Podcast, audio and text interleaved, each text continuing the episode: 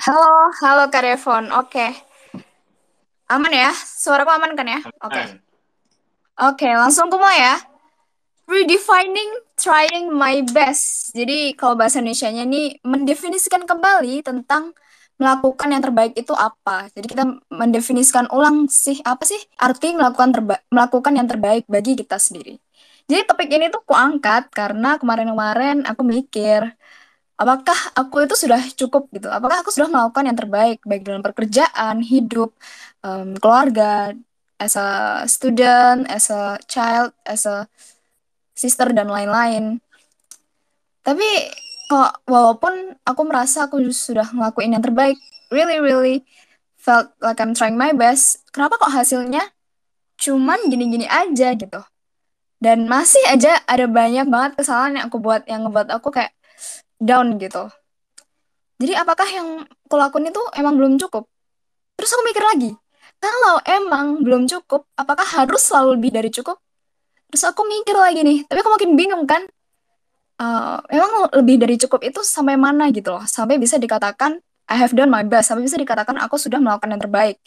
Lalu ditambah lagi banyak orang-orang bilang, like you have to go beyond your limit, atau kamu tuh motivator bilang kamu harus selalu melakukan yang terbaik, Us- usaha tidak akan mengkhianati hasil. It's like itu kita um, diajari kalau itu loh um, peraturannya. Kalau kita sudah melakukan yang terbaik, berarti hasilnya juga akan mengikuti. But apakah seperti itu? Terus indikator melakukan yang terbaik itu apa gitu? Masalahnya kan tidak ada definisi yang jelas atau indikator yang jelas tentang melakukan yang terbaik. Nah, itulah kenapa aku pengen ngangkat topik ini, redefining trying my best. Nah, sekarang I have Devon uh, sebagai speaker untuk hari ini bersama dengan aku. Jadi kita akan mendiskusikan mungkin teman-teman yang lain yang pengen gabung jadi speaker biar kita biar bisa diskusi bareng, bisa langsung aja request ya. Nanti aku langsung cut. Oke, sebagai speaker untuk hari ini bersama dengan aku, jadi kita akan mendiskusikan mungkin teman-teman yang lain yang pengen gabung jadi speaker biar kita gabung jadi speaker biar kita biar bisa diskusi bareng, bisa langsung aja request ya. Nanti aku langsung cut. Oke. Nih, udah request nih. Wah, bisa tuh Kak di ACC. Ya, udah hilang lagi. PHP nih. Oke, oke. Oke, sebelum itu aku mau tanya dulu nih ke Kak Devon.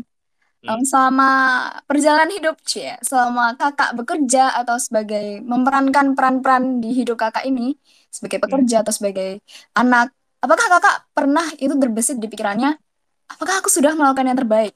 Apakah kakak itu juga pernah bertanya-tanya gitu loh, aku sudah nggak ya?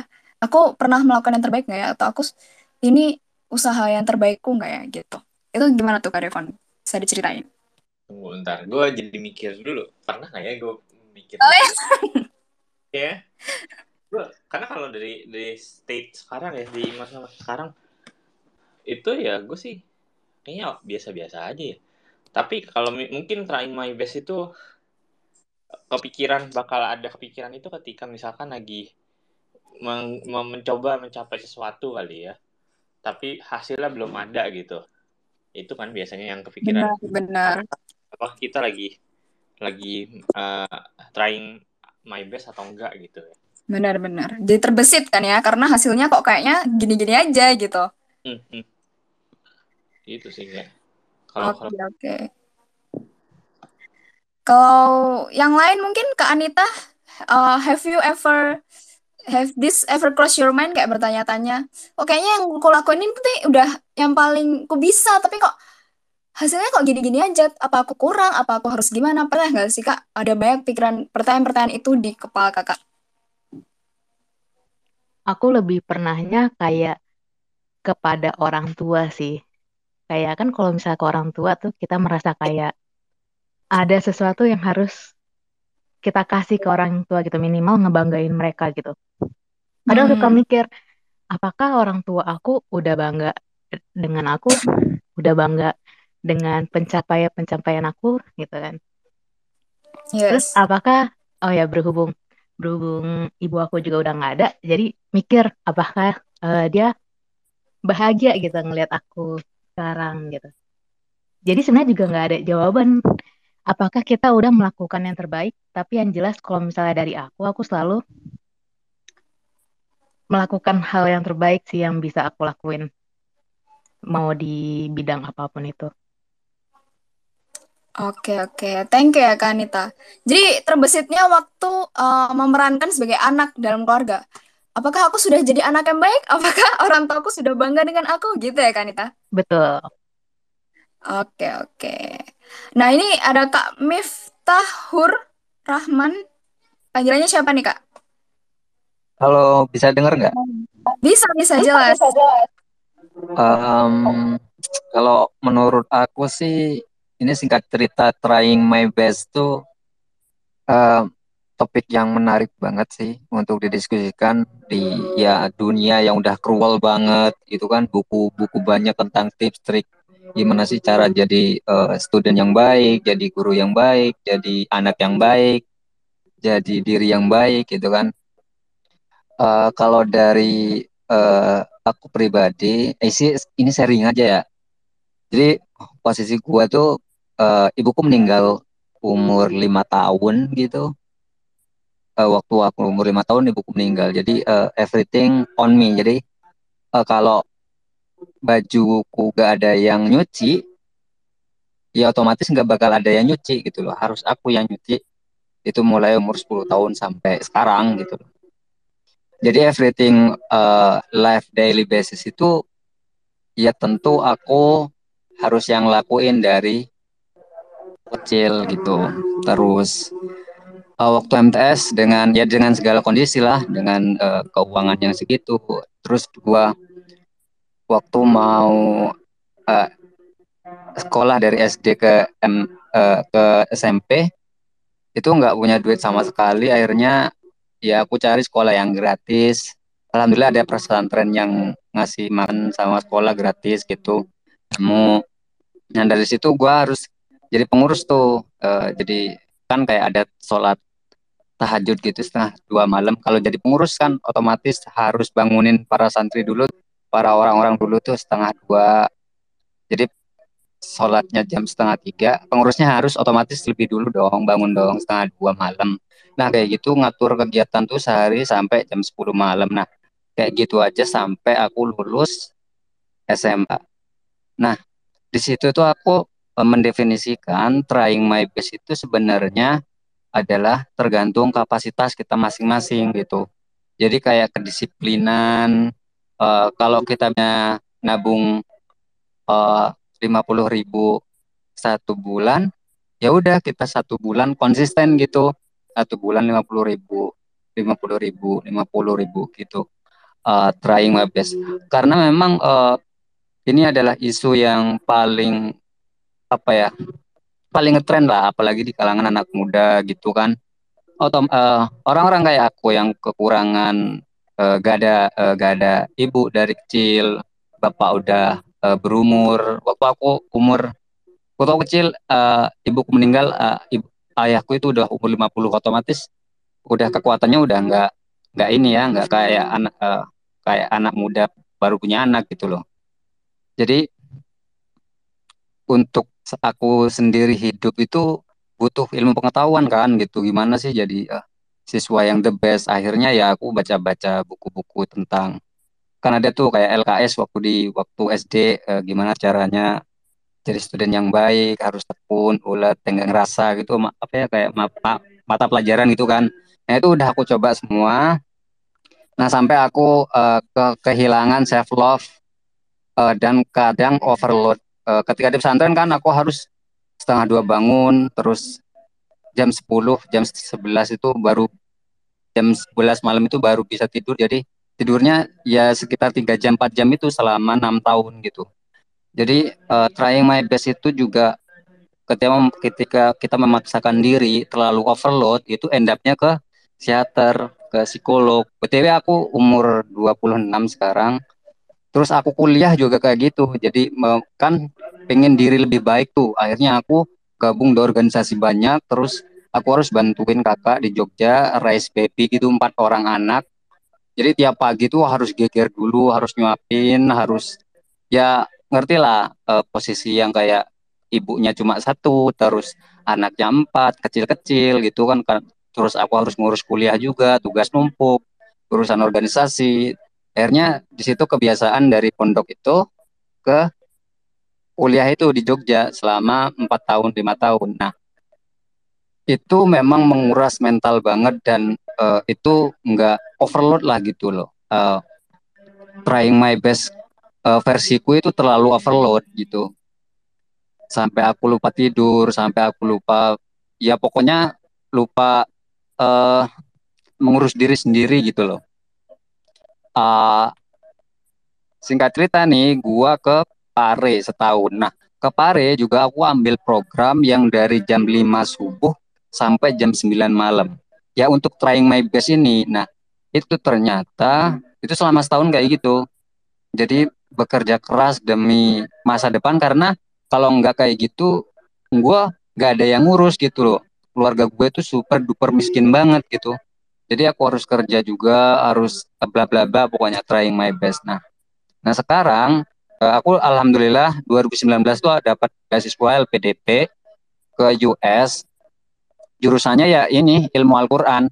Karena dari pesantren kan uh, belajar ke uh, mau ke Amerika dan dan Covid ternyata gagal. Nah, ketika Covid itu gue depresi karena kegiatannya kan kayak sebelumnya ketemu orang aja berpul ber, bertahun-tahun kan mulai dari kecil sampai dari ngurus orang dari MT dari MTS tuh dari SMP sampai pare itu kerja kerasnya kayak gitu terus covid terus hidupnya kayak dam jatuh banget gitu depresi dan sekarang aku itu lagi si konseling uh, ke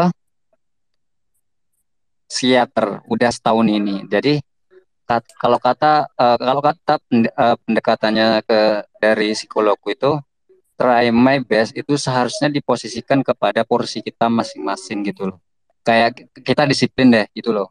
Kita harus uh, habis subuh kita uh, ngapain journaling 5 menit. Ya udah kita nulis apa hal yang kita syukuri habis subuh uh, 5 paragraf. Terus habis itu kita mandi. Ya kayak kita daily life gitu loh. Gak usah cemas, gak usah khawatir. Nah, apa yang aku lakukan dari MTS sampai ke Pare itu selama 10 kurang lebih 10 tahun itu uh, itu udah overload dan itu bahaya banget buat diri sendiri gitu. Jadi trying my best itu seharusnya pernah sih kalian baca buku kayak Atomic Habit kerja James Clear. Jadi uh, progres satu persen setiap hari itu ketika dihitung selama satu tahun itu bisa 3000 kali lipat gitu. Jadi tiap hari itu progresnya ya satu persen aja gak apa-apa. Itu udah termasuk uh, trying my best gitu. Based on personal apa ya pengalamanku kayak gitu. Jadi uh, apa yang aku sampaikan poinnya adalah ya kita melakukan daily life dan selalu uh, apa sih long term long, long term goal kita gitu. Terus kita start small gitu loh. Jadi ya kita tetap melakukan kegiatan sehari-hari, waktunya nyuci ya nyuci, waktunya nyapu ya nyapu, waktunya bersih-bersih kamar ya bersih kos gitu. Terus waktunya kerja ya udah kerja gitu sambil ya improve sedikit-sedikit lah gitu loh. Uh, sesuai dengan kapasitas kita. Mungkin itu yang bisa aku share Kak. Oke, oke. Oke, okay, tadi ini echoing ya. Oke, okay, thank you. Wah, jadi ini ya um, sharingnya Kak Rahman tadi. Kak, wah. Kak Miftah. Siapa? Miftah, Miftah. Oh ya. Oh. Ya, sharingnya Kak Miftah tadi udah ngejawab banyak banget ternyata. tadi ada beberapa poin yang aku notice yang pertama itu tahu batasan diri ya kak, tahu batasan diri. Terus kita harus uh, mengerjakan sesuatu sesuai kapasitas. Jadi ya memang kalau misalnya kamu tahu batasan diri kamu, kita, kamu bisa maksimalkan itu loh. Jadi bisa menghindari overload, bener ya kak. Terus juga pernah di mention, jadi per, um, di Grow Space ada Discord ada komunitas Discord namanya Sekolah Quran Suka Maju yang aku udah pernah drop juga topiknya apa sih uh, definisi melakukan yang terbaik terus ada yang jawab gitu katanya menggunakan resource yang ada yang katanya Kak Miftah tadi menggunakan harus uh, bisa memanfaatkan lah teknologi yang ada biar bisa juga um, membuahkan hasil yang diingini kayak bisa masuk LPDP dan lain-lainnya. Oke, jadi sudah lumayan terjawab ya saya sama Kak Miftah. But I want to ask lagi uh, ke Kak Wulan, maybe you have an um, experience tentang trying my best. Apakah kakak juga pernah menanyakan diri kakak, apakah aku ini sudah trying my best gitu? Ada Kak Wulan? Ada, halo halo. Oke, halo Kak Wulan. Pernah Halo nggak sih? Debbie. Iya. ya, pernah nggak sih Kak kakak bertanya-tanya, aku ini sudah melakukan yang terbaik belum ya? Kalau pernah di posisi itu kenapa Kak? Terus boleh tolong diceritain lebih lanjut. Oke, eh, pertama-tama aku mau bilang terima kasih dulu sama Kak Miftah untuk ceritanya, luar biasa. Semoga apa yang Kak Miftah eh, alami memang berat sekali, tapi wow, aku luar biasa salut deh sama Kak Miftah. Thank you for sharing, thank you for being you. Sama-sama Aku benar-benar wow, hebat Miftah. Em, aku sendiri selalu berusaha melakukan hal-hal yang aku ingin lakukan atau yang menjadi kewajibanku itu dengan sepenuh hati. Aku berusaha melakukan segala sesuatu itu dengan ikhlas. Eh, aku mempunyai aku mempunyai misi atau bukan misi ya apa ya? Aku aku ingin melayani gitu loh. Dalam hidupku itu aku ingin melayani. Dan aku berusaha untuk melakukan hal itu ke keluargaku, ke teman-temanku, ke pekerjaanku, ke murid-muridku, ke komunitasku gitu. Dan saat aku melayani, aku tuh ingin bisa memberikan yang terbaik. Tapi kadang kita sebagai manusia tuh ada ya mungkin semacam hambatan. Eh, kita merasa burn out atau kita merasa kayak kurang bisa maksimal dalam melakukan sesuatu dan itu akan berujung ke grudging ya, kayak menggerutu gitu loh, kayak ngedumel. Nah, eh, saat aku berusaha melakukan sesuatu, maka aku akan fokus ke situ. Berusaha untuk mindful mungkin ya bahasanya sekarang tuh. Jadi waktu aku mencuci piring ya aku akan mencuci piring dengan sepenuh hatiku. Aku mencuci supaya ini nanti bisa aku pakai lagi. Eh, aku belajar, aku pun belajar dengan sepenuh hatiku, fokus. Jadi nggak belajar sambil scrolling Instagram, nggak belajar sambil ngapa-ngapain. Ya udah yang ada di depan mataku yang ingin aku lakukan, ya satu itu aku lakukan. Saat aku memasak, aku pun memasak dengan sepenuh hati dan cinta karena oke ini masakan akan dimakan oleh keluargaku. Aku memberikan eh, nutrisi yang terbaik. Aku bersihkan dengan sepenuh hati. Aku masak, aku cuci dengan dengan penuh cinta gitu loh maksudnya. Karena aku pengen ini sebagai salah satu wujudku melayani seperti itu. Jadi melakukan yang terbaik buatku itu adalah melayani tanpa menggerutu. Karena Oh, saat udah mulai menggerutu, udah keikhlasan itu jadi hilang gitu loh. Dan kan oke. ada ya Debbie, we do our best, let God do the rest gitu. Yes. Jadi yang aku coba lakukan sehari-hari dalam hidupku, ya udah aku ingin melayani dengan sepenuh hatiku ke setiap orang yang Tuhan kirimkan untuk bersentuhan dengan aku pada hari itu. Mau online, mau ketemu langsung, aku akan berusaha untuk membantu mereka semampuku. Dan kalau misalnya dalam term belajar atau bekerja, ya aku akan sepenuh hati dalam bekerja, aku sepenuh hati dalam mengajar, aku sepenuh hati dalam belajar, seperti itu. Masalah hasilnya aku bisa atau enggak, ya udah itu entar gitu karena aku sendiri Hmm. merasa bahwa I'm a slow learner. Aku tidak bisa yang fast pace menyerap segala sesuatu sat sat sat sat gitu loh. Aku tuh harus pelan pelan lamban satu satu dinikmati gitu gitu kalau aku deh aku nggak ngerti ya. Trying my best for me is ya udah I'm doing my best. Let God do the rest. Tapi aku selalu berusaha untuk orang yang datang kepadaku tuh mereka akan keluar dengan hati yang lebih ringan hati yang lebih senang gitu. Oke, mantap mantap. Wah, ini jadi menambah enlightenment gitu. Jadi ada ini nih poin menarik nih yang Kakak Wulan bilang, try my best itu melakukan bersungguh-sungguh dengan hati, dengan perasaan ya, melayani tanpa menggerutu. Ini benar juga sih kalau aku reflect lagi ya. Kalau misalnya pun kita ngelakuinnya dengan hati, dengan ikhlas, kayak dengan perasaan, kita pasti um, tanpa sadar kita juga ngelakuin yang terbaik karena that's uh, itu yang kemauan kita gitu.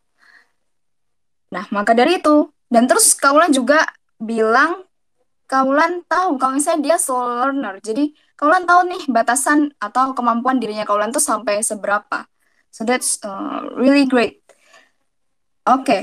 aku juga mau tanya nih sama Kak Devon. Um, kalau misalnya nih dalam mungkin bukan sama Kak Devon juga sama yang kalian. Kalau misalnya Kaulan kan dia emang pengen uh, ngelayan, emang jiwanya ingin melayani gitu. But gimana kalau dalam konteks kerjaan?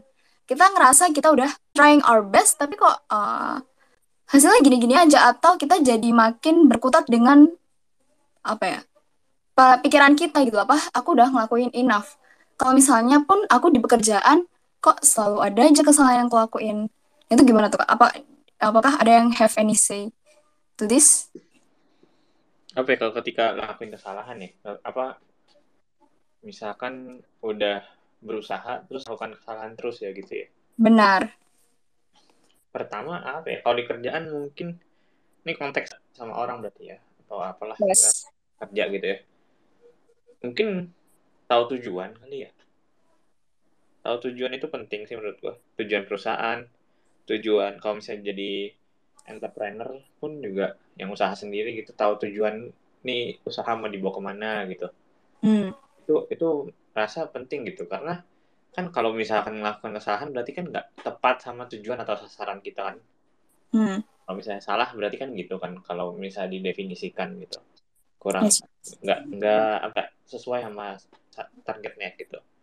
Ya uh, untuk apa ya melihat kembali tujuan itu sih menurut gue sih lumayan penting gitu loh.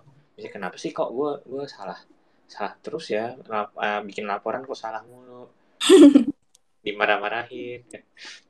Terus? Benar-benar kenapa gitu? Mungkin bisa jadi apa yang perusahaan mau sama apa yang kita lakukan itu nggak lain gitu. Jadi tujuannya nggak banyak okay. terus makanya kayak walaupun lu udah bikin misalnya disuruh bikin uh, present something tentang uh, apa apa yang di apa gimana ya gue gue menjelaskannya ya. Misalkan uh, perusahaan punya visinya itu A gitu. Lu trying your best gitu. Uh, buat presentasi dikasih animasi slide terus mau pakai VR AR gitu. Tapi lu yang isinya B ya tetap aja nggak nggak nggak nggak mencapai target dari si kerjaan gitu kan. Ya kalau misalkan ibaratnya kayak tahu tujuan itu kayak misalnya lu dari Jakarta mau ke Bali gitu ya. Tujuannya kan berarti uh, kalau lu dengan apa sekuat tenaga lari gitu dari Jakarta tapi arah lu ke Medan gitu. Ya mau trying your best mau sampai uh, nafas empat-empatan gitu ya nggak sesuai tujuan ya sama aja gitu. Terus di lain sisi kayak uh, berhubungan dengan trying your best gitu Jakarta Bali gitu udah lu tinggal beli tiket pesawat menuju ke Bali duduk satu jam nyampe itu sesuai tujuan gitu loh. Nggak apakah tapi nggak nggak nggak effort yang gede-gede amat tujuan tercapai. Benar. Oke okay. so um, yang kutek ya dari uh, ngomongan Kak Devon jadi we have to tahu harus tahu tujuannya itu apa? I mean, harus dievaluasi lagi ya Kak Dev. Kalau misalnya ya. pun Kak, Kak Devon mau ngomong? Uh. Oke. Okay. no, no.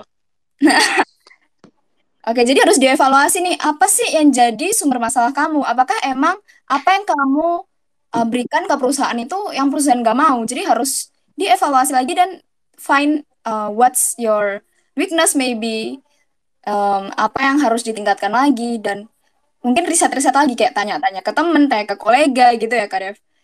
Oke. Okay. Maksud gue sih bukan nggak apa ya weakness hmm. juga loh kayak mungkin weakness itu hal yang lain tapi lebih ke tujuan sih itu sih. Jadi kalau hmm. tujuan yang nggak sesuai ya ya udah pasti lu nggak nggak nyampe aja gitu kan. Oke, jadi harus mengalignkan tujuan kita as a employee dan juga sama perusahaannya. Nah, dan as, as human being juga apa secara lu uh, kehidupan sehari-hari gitu, misalnya Mhm. tujuan hidup apa-apa, ya terus evaluasi tujuan hidup lu juga gitu deh. Lu maunya apa gitu.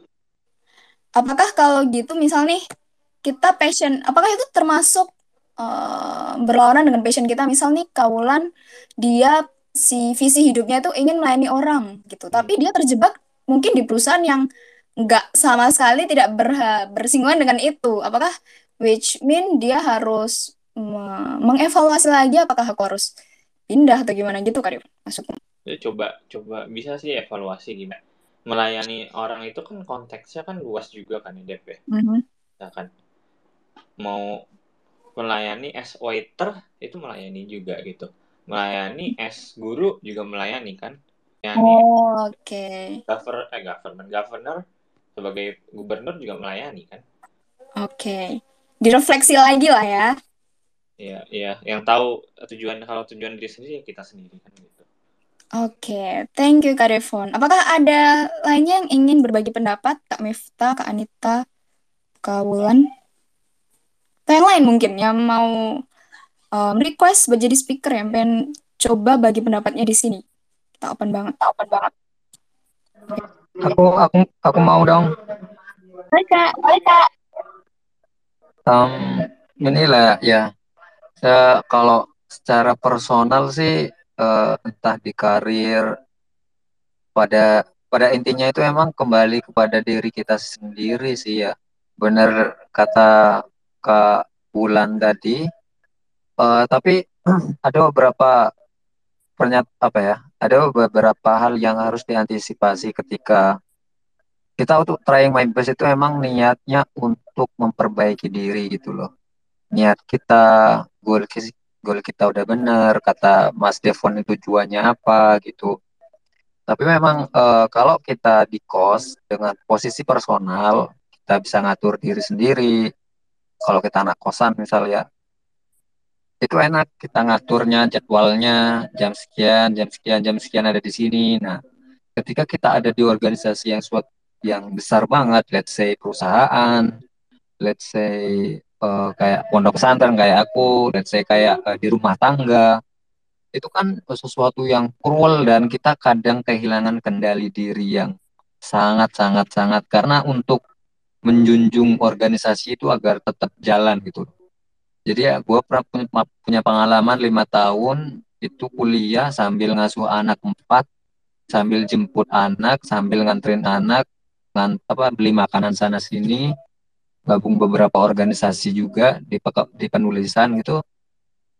Itu it's it's hard to be mindful gitu loh karena endingnya itu tetap apa ya getting done gitu, getting something done. Jadi hal ini harus selesai, harus selesai, harus selesai. Dan itu banyak banget. Jadi uh, menurutku untuk uh, apa yang disampaikan Kak Ulan itu butuh effort yang sangat sangat sangat proses yang sangat sangat uh, dalam banget sampai bisa menyimpulkan bahwa kita itu harus melakukan dengan sungguh-sungguh gitu loh. Karena uh, at the end of the day ketika ketika kita berurusan sama orang lain, kalau kita urusan urusan sama benda, oke okay lah ya kita nyapu, kita nyuci, oke okay lah. Tapi kalau sama orang itu lebih susah. Kita dibikin deadline, kita harus kayak gini, gini, gini. Nah itu kadang kita kehilangan kendali diri sendiri. Dan untuk menjadi mindful itu uh, ikhlas itu butuh effort yang harus diulang habit setiap hari kita sungguh-sungguh gitu. Kita apa ya rendah hati lah kata menurutku sih bahasanya rendah hati lah untuk membantu orang uh, mindful lah ya kita sungguh-sungguh kita uh, bisa mengontrol diri lebih baik gitu loh. Jadi redefining redefining uh, trying my best itu juga apa ya harus jangan keluar jangan jangan hanya keluar jangan kita uh, maksudku jangan hanya organisasi ini harus kayak gini gitu. Komunitas ini harus maju banget perusahaan ini harus tujuan goal banget tapi juga ke dalam diri kita sendiri seperti Kak Ulan tadi uh, aku melakukan ini dengan sungguh-sungguh untuk pribadiku dan untuk orang lain gitu. Jadi kita bisa mindfulness juga, tidak kehilangan kontrol diri kayak saya selama 10 tahun yang overload dan endingnya ke psikolog. Kan jadinya kalau kita terlalu jadi people pleaser, uh, kita membantu banyak orang dengan uh, di luar kapasitas kita, uh, kita nggak pernah tidur, tidurnya cuma dua, dua jam, tiga jam sehari, itu kan uh, be so hard on yourself. Jadi kita keras sama diri sendiri gitu loh. Jadinya uh, pengalaman saya uh, ending ke psikolognya itu jadinya kayak gitu. Jadi kita kehilangan kendali diri yang sangat-sangat brutal gitu. Kita depresi, kita anxiety akut, harus ke psikiater. Nah itu dari efek dari pengalaman pribadi untuk menjadi trying my best. Uh, mulai dari aku kecil yang udah kehilangan ibu, udah kehilangan keluarga, harus sekolah sana sini, harus kerja, itu overload banget untuk diri apa ya? Karena kan harus menjadi lebih baik. Dulu mikirnya kan aku harus lebih baik nih karena orang lain ada ada yang ada yang bantu, ada orang tuanya enak, tapi saya melakukan semuanya sendiri gitu.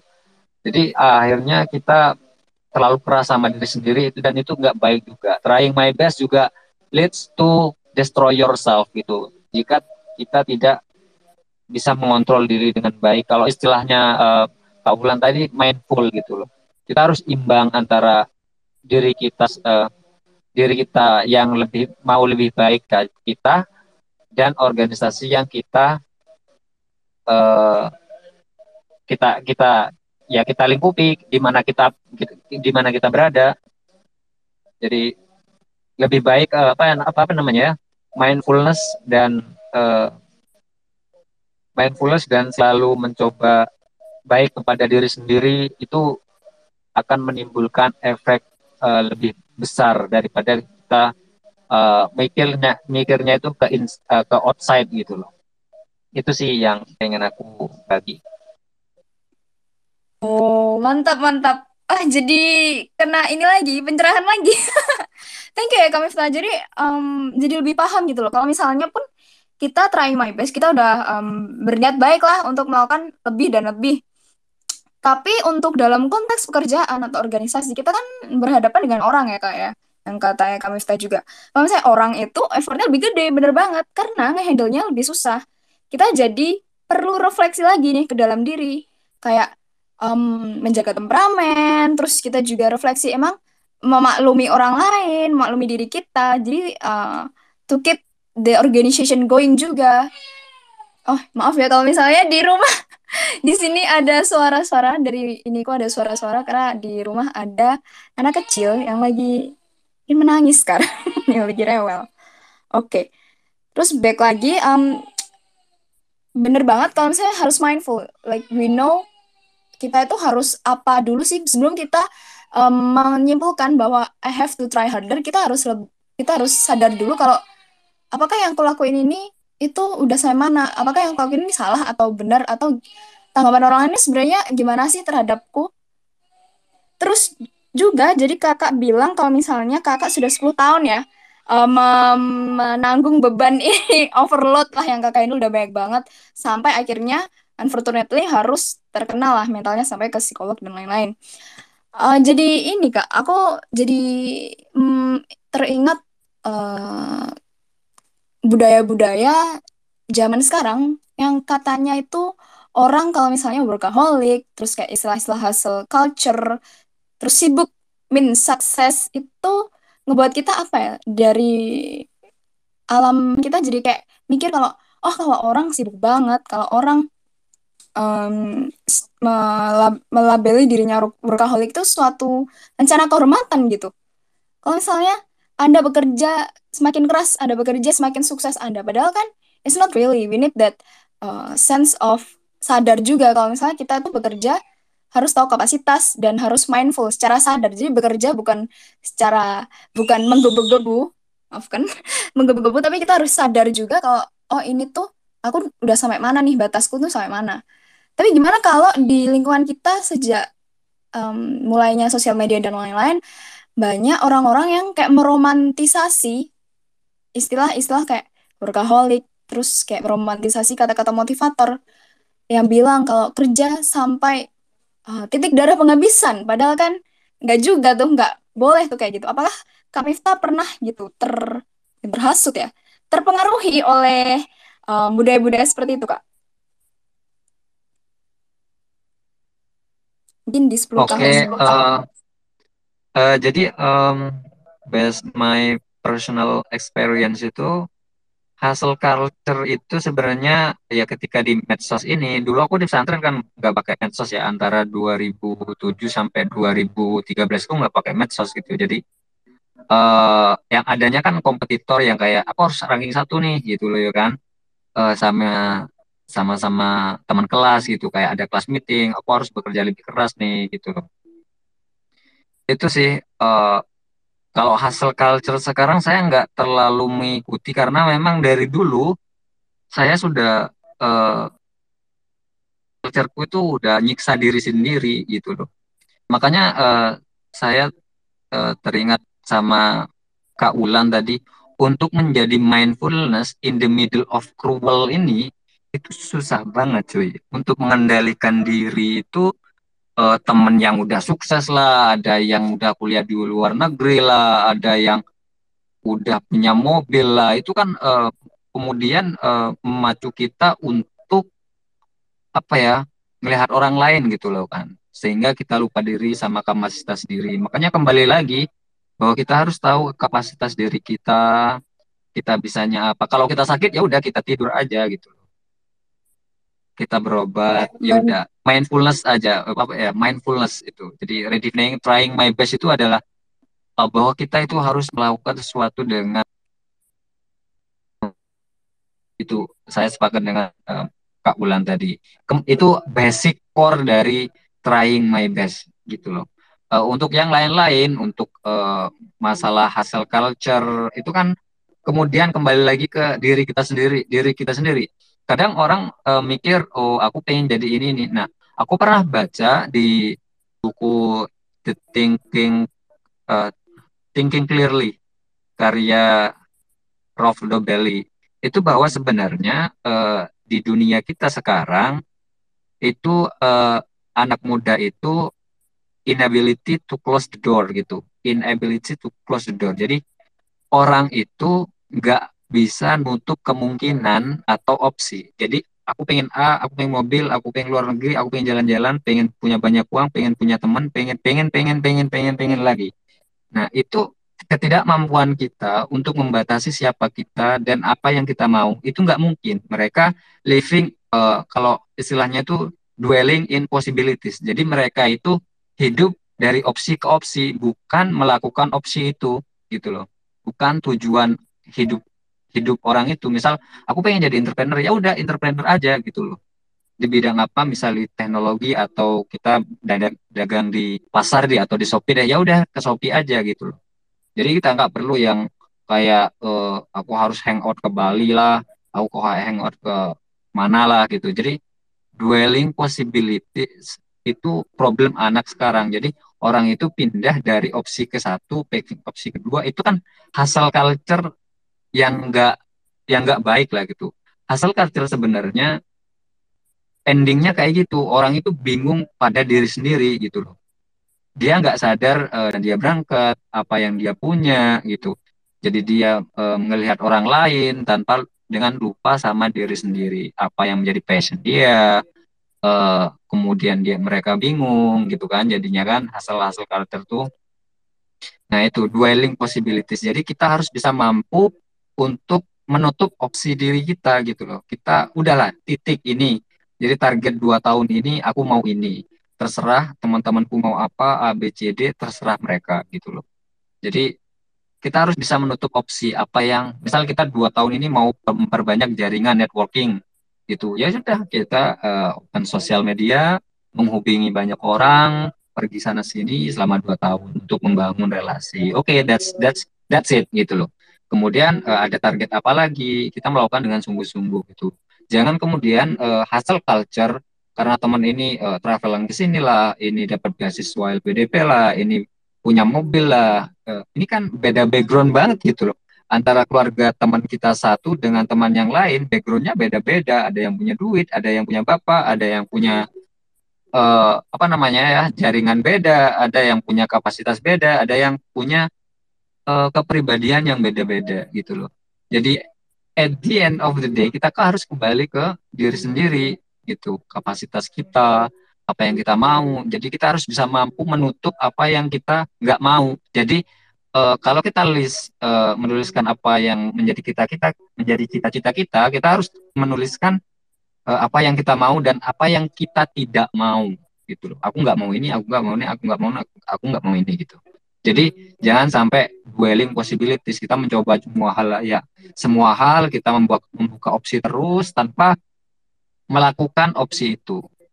Meskipun kita uh, uh, uh, kayak misalnya kita opsi, opsi kita uh, setahun ini mau uh, nulis di blog misal, ya udah kita nulis aja gitu udah kita cari kerja uh, kita harus punya duit kita kerja setahun ini ya udah kita kita uh, kita punyanya itu gitu loh jangan sampai hasil culture itu merusak diri sendiri dan kita kehilangan kendali terhadap diri sendiri itu menurut saya menurutku sharing aja thank you Oke, terima kasih banyak ya Kak Miftah.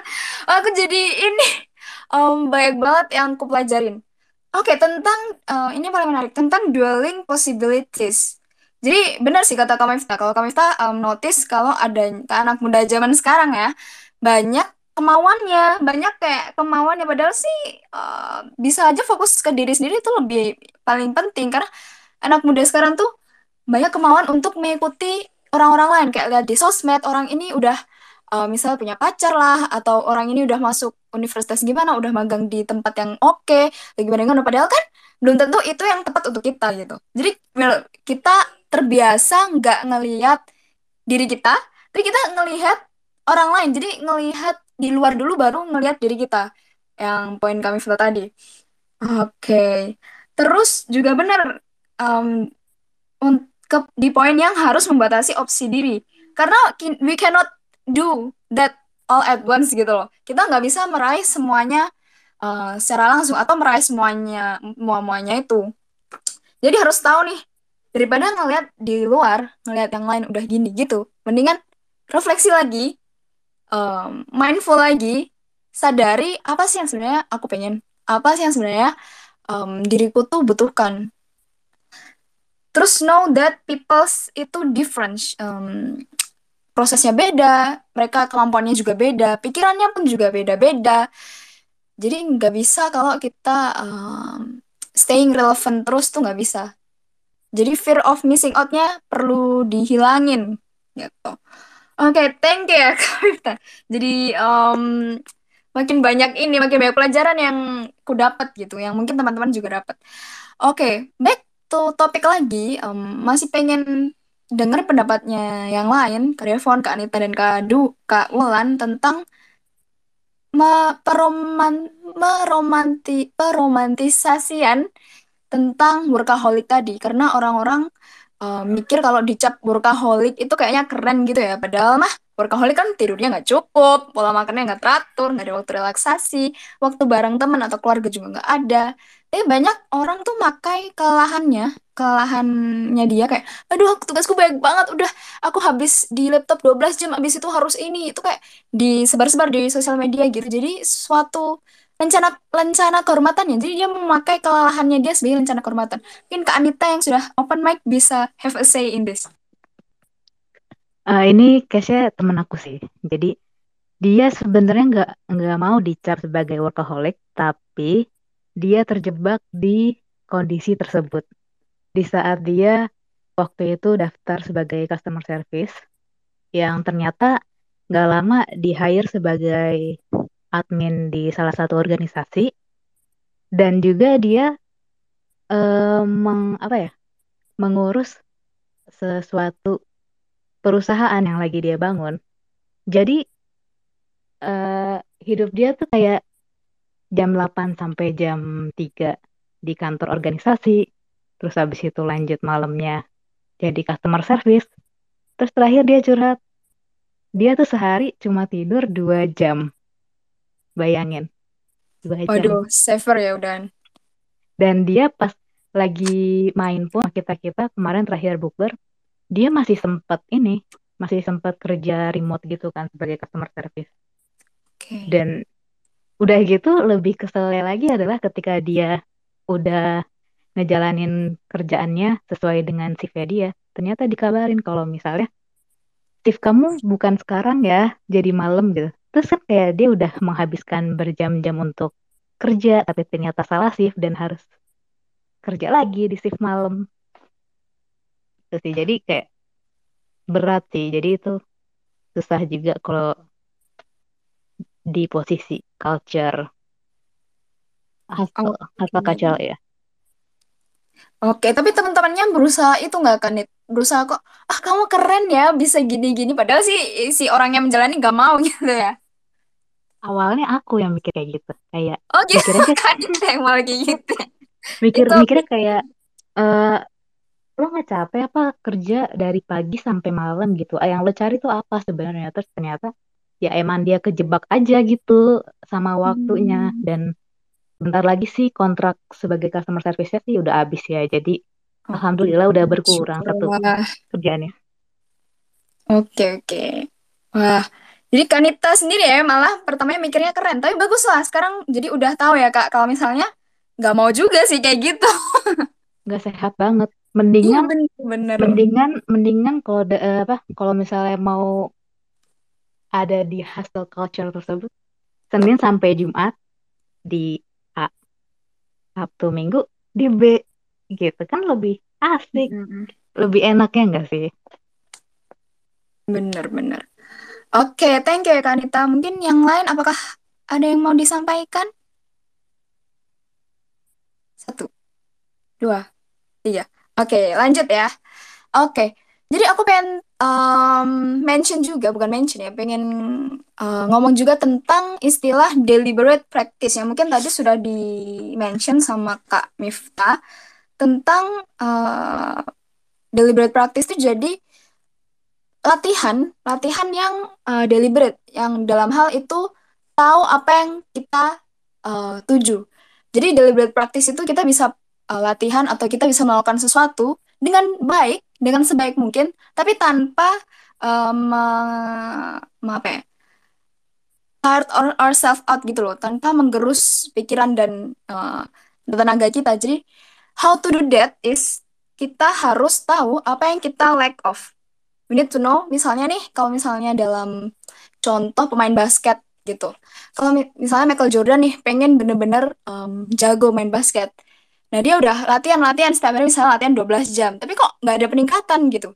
Jadi dia mungkin uh, start to list down gitu loh. Apa sih yang kurang dari aku? Maybe out- aku kurang gesit gitu. Berarti latihannya jangan main basket. Latihannya lari. Biar makin gesit. Biar otot kakinya kebentuk gitu kan. Terus, ap- terus aku kurangnya apa sih? Kurangnya misal aku kurang tinggi. Nah, berarti latihan lompat gitu kan. Jadi that's um, mungkin kasarnya um, dalam istilahnya deliberate practice. Jadi you have to start to reflect apa sih yang aku harus uh, lakukan untuk mencapai itu, apa kekuranganku, apa yang harus kutingkatkan. Uh, jadi kita bisa tahu kita nggak cuman trying hard without uh, goals atau purpose gitu loh. Jadi jangan buang-buang waktu lah untuk um, kerja siang malam capek-capek tapi kita nggak enjoy dan nggak tahu mau ke mana gitu. Oke, itu sih yang pengen ku sampaikan. Berarti kita udah masuk uh, di jam 9, udah almost satu jam. Jadi aku pengen tanya nih ke kakak-kakak sekarang, uh, apa sih yang ingin kakak sampaikan buat orang-orang yang masih sering bertanya-tanya, masih sering sendirinya gitu loh, masih sering stres.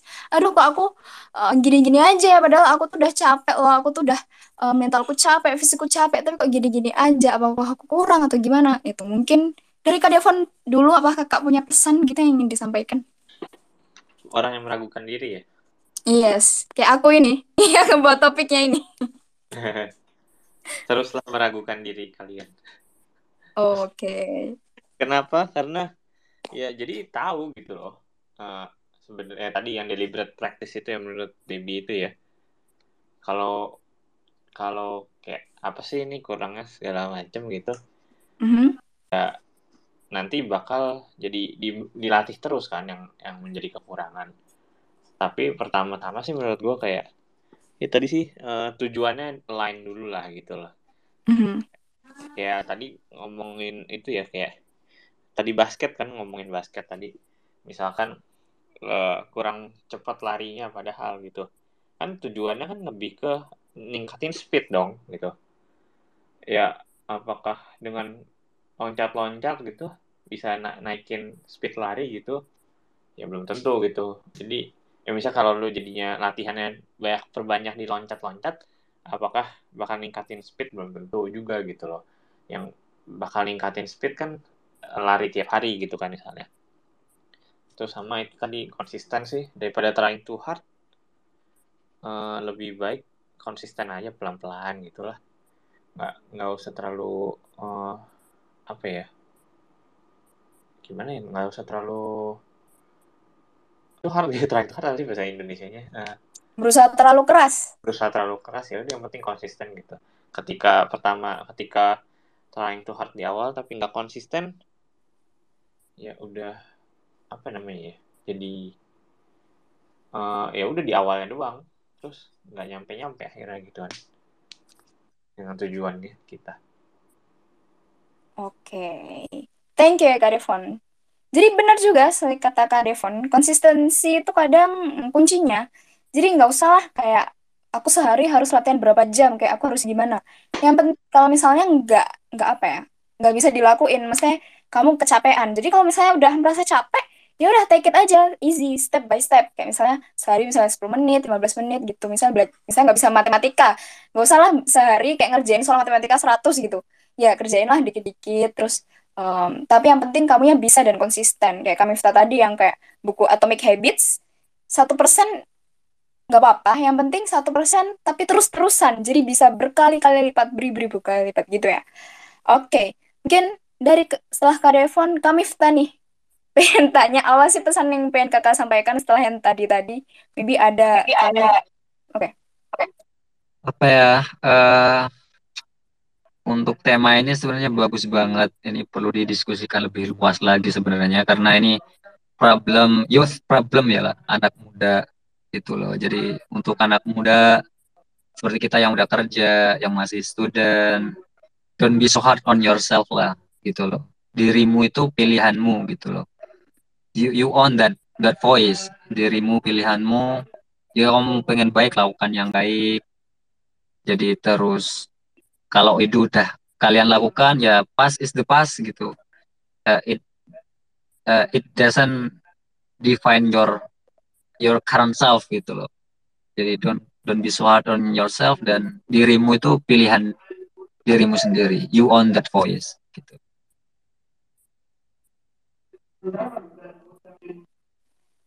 Oke, thank you Kamifta. Dirimu itu pilihanmu, jadi jangan ngikutin orang yang tadi Kamifta bilang tentang dwelling possibilities.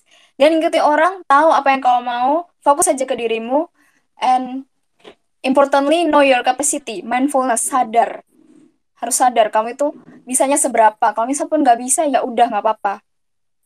Um, jangan denial gitu ya. Thank you kak Mifta ke nih. Halo Kawulan.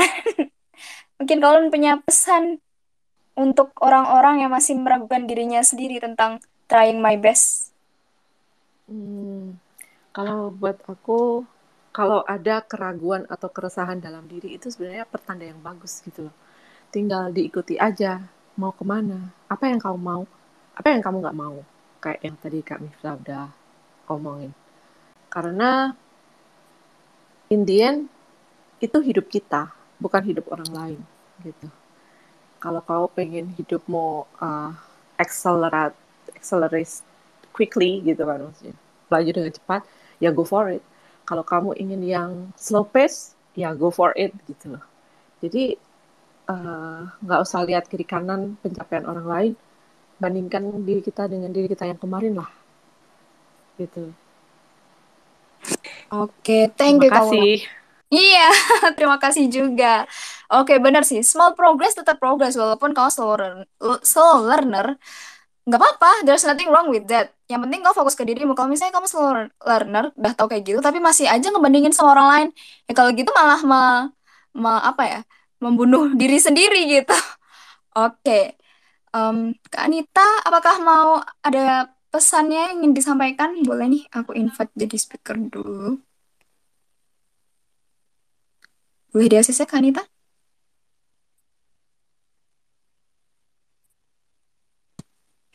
Satu, dua, tiga. Oke. Oke, kalau gitu dari kesimpulanku ya. Um, well, actually, uh, ini benar sih yang kata kak Miftah, ini suatu problem yang mungkin uh, orang-orang sekarang rasain karena adanya teknologi, sosial media, dan lain-lain. Banyak uh, hal-hal yang ngedistract kita dari diri kita sendiri. Jadi, the point is, kita nggak mau gitu loh. We don't want to break ourselves for doing something too hard. Yang kayak sampai ya amit-amit kena mental dan stres itu kan nggak mau karena kalau misalnya udah kena kayak gitu nanti kemungkinan baliknya bakal lebih tinggi gitu so we don't want that. Karena sometimes atau most of the times itu orang-orang bilang kalau if you are trying your best ah kamu itu trying your best kalau kamu udah nggak sanggup lagi. Padahal kan enggak kita nggak mau we don't we don't want that to happen. Kita pengen menghindari itu. Aku nggak mau ngelakuin yang terbaik sampai aku nggak sanggup lagi. Aku mau ngelakuin yang terbaik sampai aku tahu kalau aku sudah melakukan yang terbaik. Sampai aku tak aku harus tahu batasan diriku dulu baru bisa mendefinis, baru bisa kayak ngomong, "Oh, ini uh, aku belum ngelakuin yang terbaik." Kalau misalnya pun kamu merasa kamu udah ngelakuin yang terbaik, oke, okay, that's okay, that's valid gitu. Gak usah ngebandingin ke orang lain. So I said, enggak lah, jangan sampai we we kita sam pernah break ourselves for doing something too hard. We have to know our capacity. If kalau misalnya kesel atau capek, ya istirahat kalau misalnya sedih ya cari hiburan gitu kalau misalnya frustrated atau bingung ya coba refleksi selesaikan hal satu persatu.